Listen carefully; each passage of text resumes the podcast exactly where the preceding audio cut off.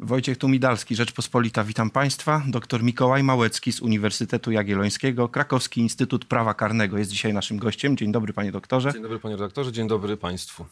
E, no na początek, ponieważ dzień nas zaskoczył informacją o opublikowaniu list poparcia do Krajowej Rady Sądownictwa. Ponad 350 nazwisk sędziów, którzy mieli złożyć podpisy pod kandydaturami wobec, jak rozumiem, 18 kandydatów e, do obecnej Rady ujawnił portal w polityce. Ale czy to jest to, o co chodzi, panie doktorze? Czy to rzeczywiście można mówić, że już spełniono obowiązek ujawnienia list? No właśnie mamy listę nazwisk opublikowanych w materiale prasowym, ale to jest lista nazwisk sędziów. Przecież tu chodzi o ujawnienie pełnej dokumentacji, która była formalnie przedkładana w procedurze powoływania sędziów, rekomendowania sędziów, potem ich powoływania. Więc to oczywiście w żadnym zakresie nie wypełnia tego obowiązku, który nałożył na kancelarię Sejmu Naczelny Sąd Administracyjny, to znaczy, żeby jawne były pełne listy poparcia kandydatów do y, Krajowej Rady Sądownictwa, którzy właśnie kandydowali, zostali potem przez tą Radę yy, powołani Sejm, do tak, udziału, przez, tak, powołani przez Sejm do yy, bycia członkiem Krajowej Rady Sądownictwa, więc w żadnym zakresie nie został wypełniony ten prawny obowiązek, który wiąże Kancelarię Sejmu, żeby te listy poparcia członków KRS-u ujawnić no przede wszystkim chyba nie wiemy, kto konkretnie kogo poparł, prawda? No bo mamy goły wykaz, że się tak wyrażę, ale który sędzia złożył podpis pod którą kandydaturą, tego nie wiemy, tak?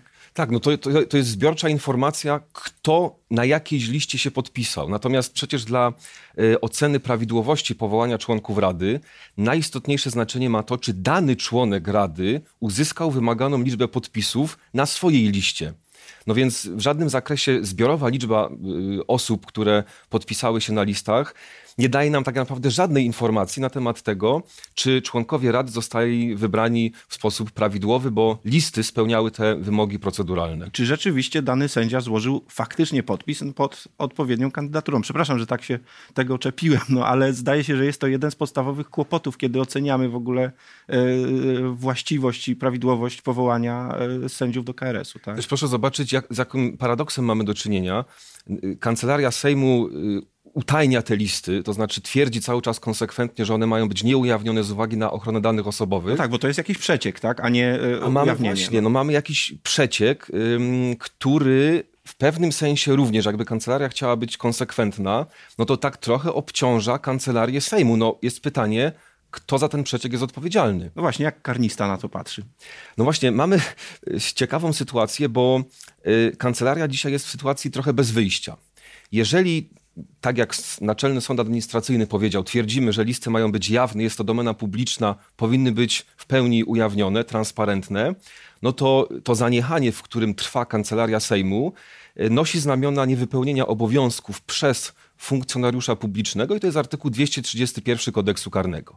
Z drugiej strony, jeżeli Kancelaria Sejmu twierdzi, że listy mają być tajne z uwagi na konieczność ochrony danych osobowych, a mamy przeciek, no to ja zakładam, że jednak pracownicy Kancelarii Sejmu zostali zobowiązani do zachowania w tajemnicy e, służbowej pewnych informacji, z którymi się zapoznają w ramach pełnienia obowiązków.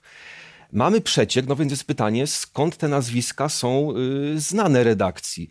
A jeżeli ktoś ujawnia informację, z którą się zapoznał w ramach pełnienia obowiązków służbowych, no to mamy artykuł 266 kodeksu karnego, który również takie zachowanie penalizuje jako przestępstwo. No więc no tak trochę niech sobie kancelaria Sejmu teraz wybierze albo, albo, niezależnie co wybierze.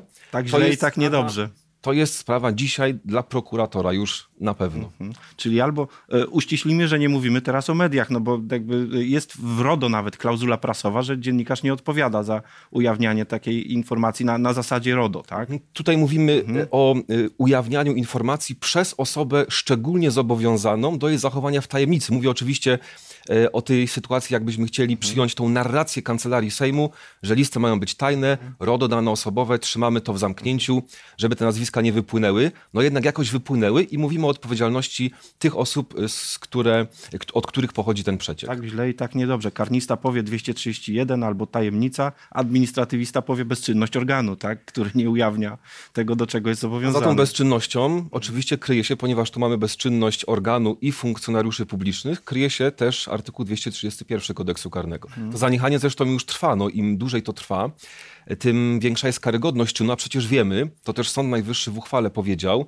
że to jest podstawowy problem z obsadą KRS-u i z y, wszystkimi dalszymi konsekwencjami, że my nie możemy zweryfikować, mhm. czy te listy rzeczywiście były, czy podpisy były zebrane, czy była odpowiednia liczba podpisów, czy one spełniały wymagania formalne. Więc tak naprawdę. No tak, czy podpisał sędzia czynny się, też, tak, prawda? O to chodzi, czy sędzia z, y, czynny z y, danej właściwości sądu i tak dalej. Więc jakby y, to jest praprzyczyna problemu, z której wynikają wszystkie dalsze konsekwencje i cały ten chaos prawny, w którym obecnie jesteśmy. Przechodzimy pomału rzeczywiście do uchwały połączonych izb, ale odpowiedzmy jeszcze sobie na pytanie, które się w tym momencie wyłoniło. Pana zdaniem sędzia no nie wiem, ze Szczecina kandydujący do KRS-u nie mógłby mieć podpisu poparcia od sędziego z Rzeszowa?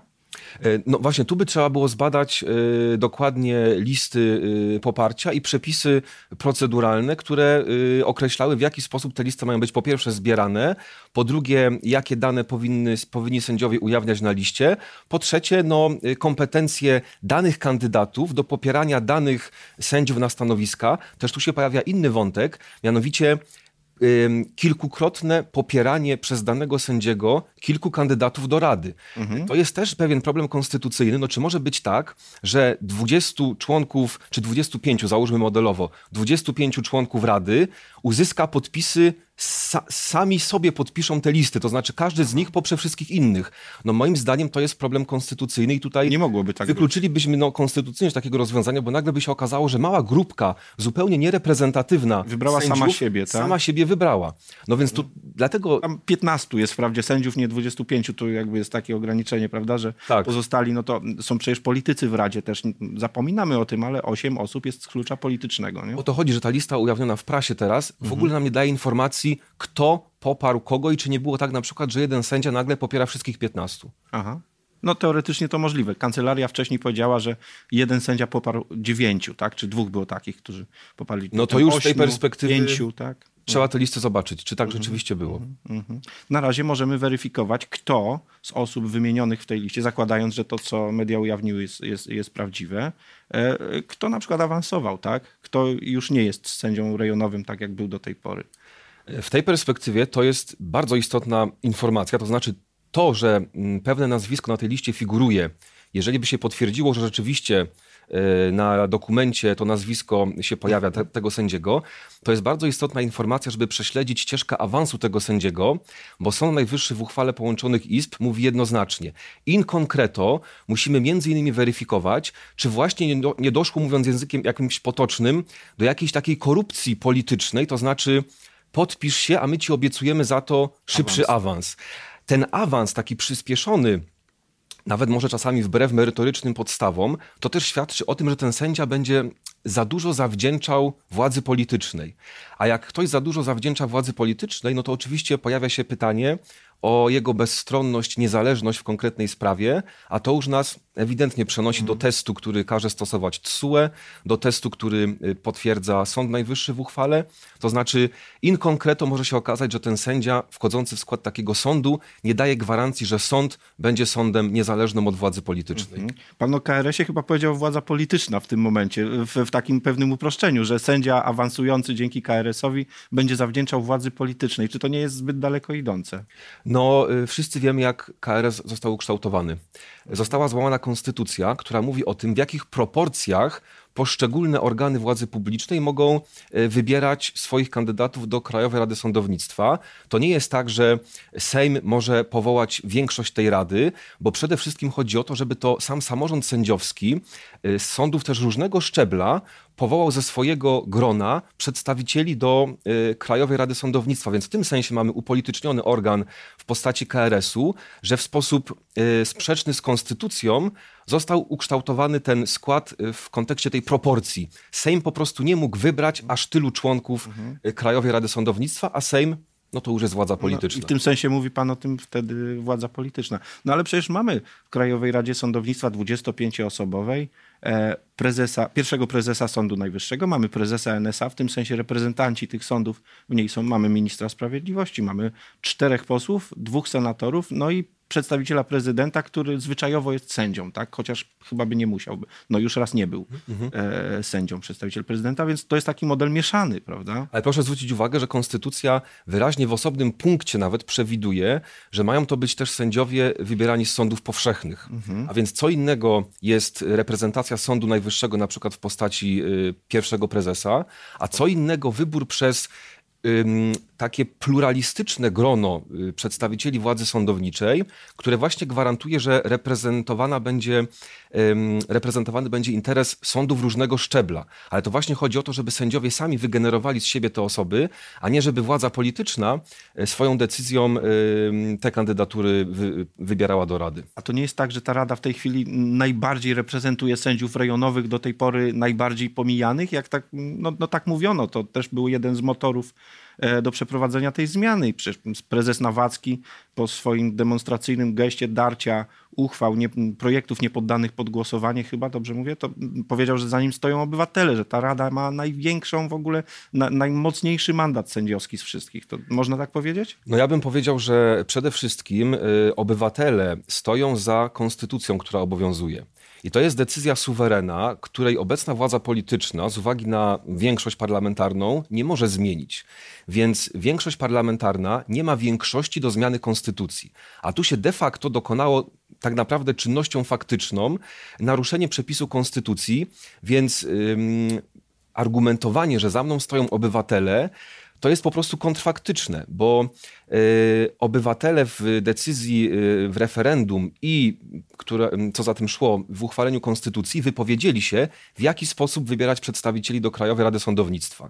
Gdyby polski Sejm, Senat miał większość konstytucyjną, mógłby sobie ten przepis zmienić. Aktualnie jest to niemożliwe, w związku z tym musimy trzymać się, jak to w dyskursie się często pojawia, pojawia woli suwerena, po prostu przestrzegać przepisów konstytucji wola suwerena jest taka, że konstytucja jest najwyższym prawem, ale też, że Rzeczpospolita Polska przestrzega prawa międzynarodowego. Tak? I to no, widać tutaj pewną y, niezrozumienie w dyskusji, czy może prezentację różnych punktów widzenia, jak wyważyć prawo międzynarodowe względem właśnie wyższości, prymatu konstytucji w kraju. Jak pan to widzi na, na, y, na tle tej sprawy, o której teraz rozmawiamy? Właśnie tu się pojawia pewien w dyskusji taki y, dualizm, który jest już zafałszowaniem sytuacji.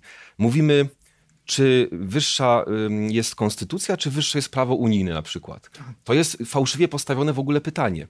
Jeżeli przyjmujemy prymat konstytucji, to również przyjmujemy prywat prawa unijnego, traktatów międzynarodowych mhm. przed ustawami zwykłymi, bo to są przecież przepisy konstytucyjne, pan redaktor o nich mhm. wspomniał, które mówią na przykład, że e, prawo unijne, e, które na przykład jest wyrażone w decyzji Trybunału Sprawiedliwości Unii Europejskiej, ono ma pierwszeństwo przed regulacjami ustawowymi dotyczącymi Sądu Najwyższego, przed regulacjami ustawowymi dotyczącymi yy, Krajowej Rady Sądownictwa, przed ustawą kagańcową. Mhm. Więc jeżeli rzeczywiście na serio bierzemy prymat konstytucji, to musimy uszanować już konkretnie wyrok Trybunału Sprawiedliwości Unii Europejskiej, który jest wykonaniem prawa unijnego. A może badać jego zgodność z konstytucją, panie doktorze?